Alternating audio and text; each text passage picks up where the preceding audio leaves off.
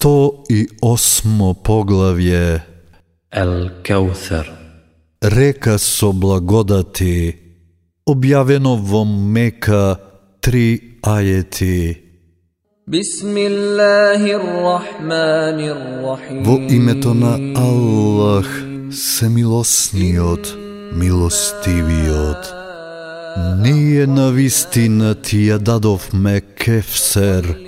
па затоа молиму се на Господарот свој и курбан коли, а тој што те мрази, сигурно без помен ке остане.